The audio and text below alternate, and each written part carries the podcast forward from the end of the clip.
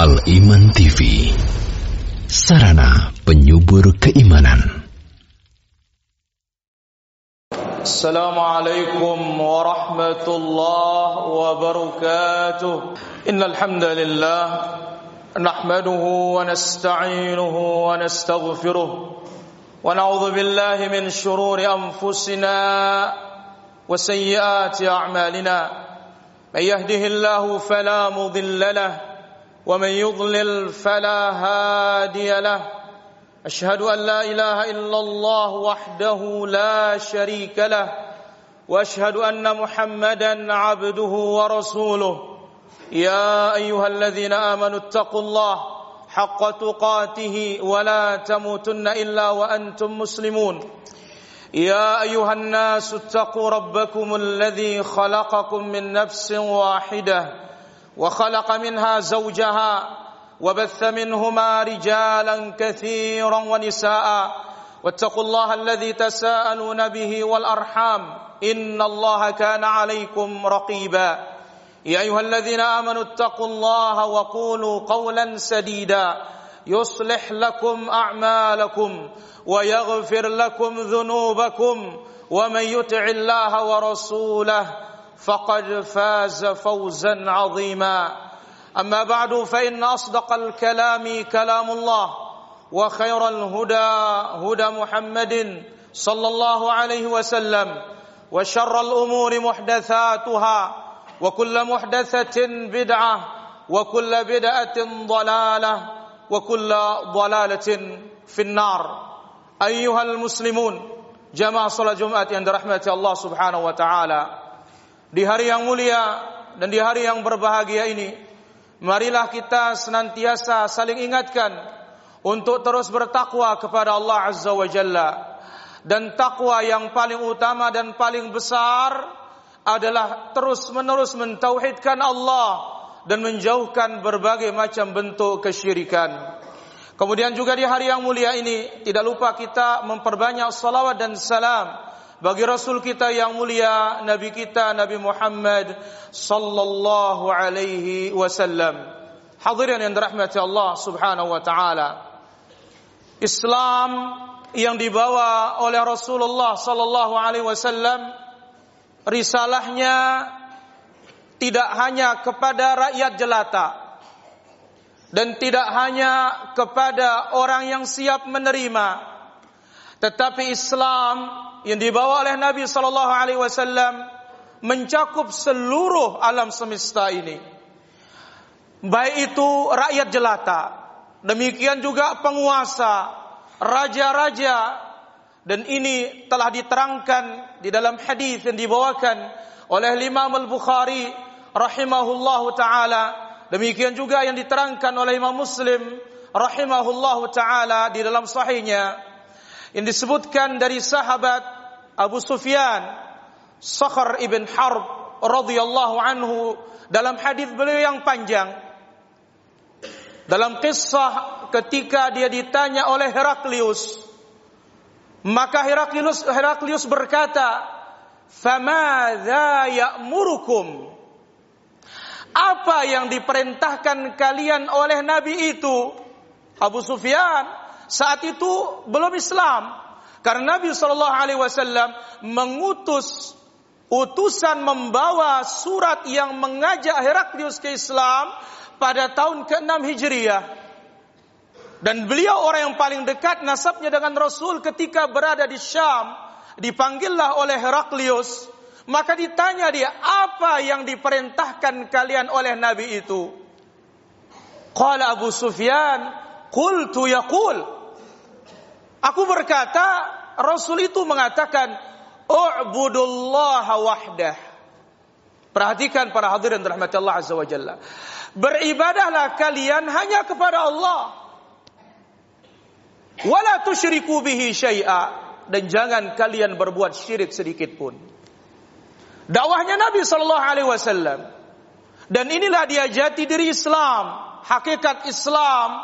Nyawanya Islam dan antum dengarkan nanti di ujung hadis bagaimana ketika dakwah yang seperti ini diwujudkan. Ubudullah, beribadahlah kepada Allah Azza wa Jalla. Maka dia dakwahnya Nabi Shallallahu Alaihi Wasallam kepada orang yang sudah Islam.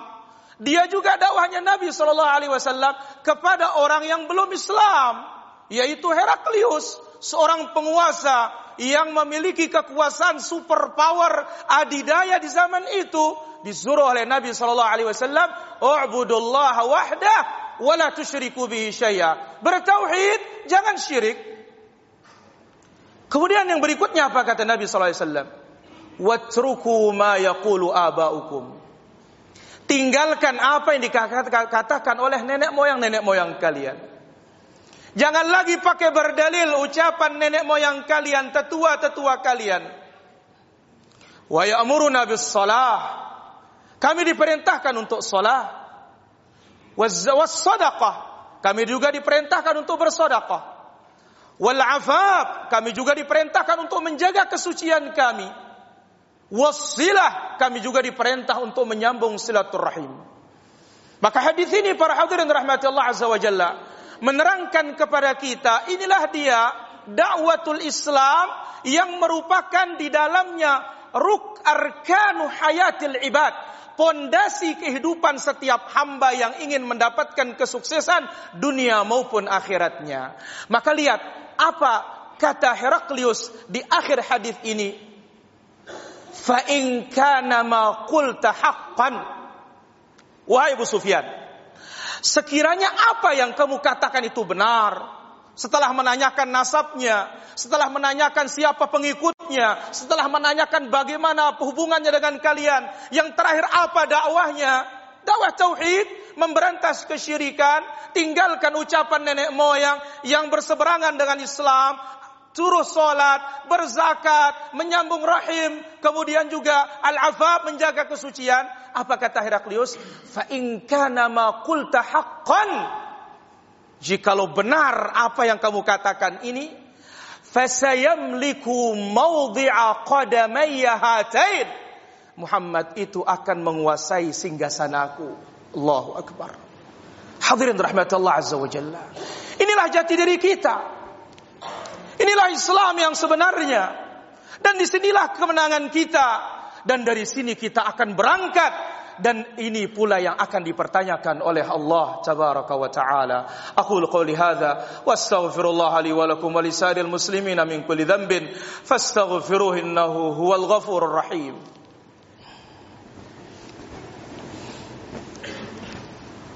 Alhamdulillah rabbil alamin والصلاة والسلام الأتمان الأكملان على الحبيب المصطفى محمد بن عبد الله صلوات ربي وسلامه وبركاته عليه وعلى آله وأصحابه ومن استنى بسنته إلى يوم الدين أما بعد فيا أيها المسلمون rahimani wa rahimakumullah dari penjelasan hadis yang tadi kita bisa mengambil beberapa kesimpulan dan fawaid. Faedah yang pertama,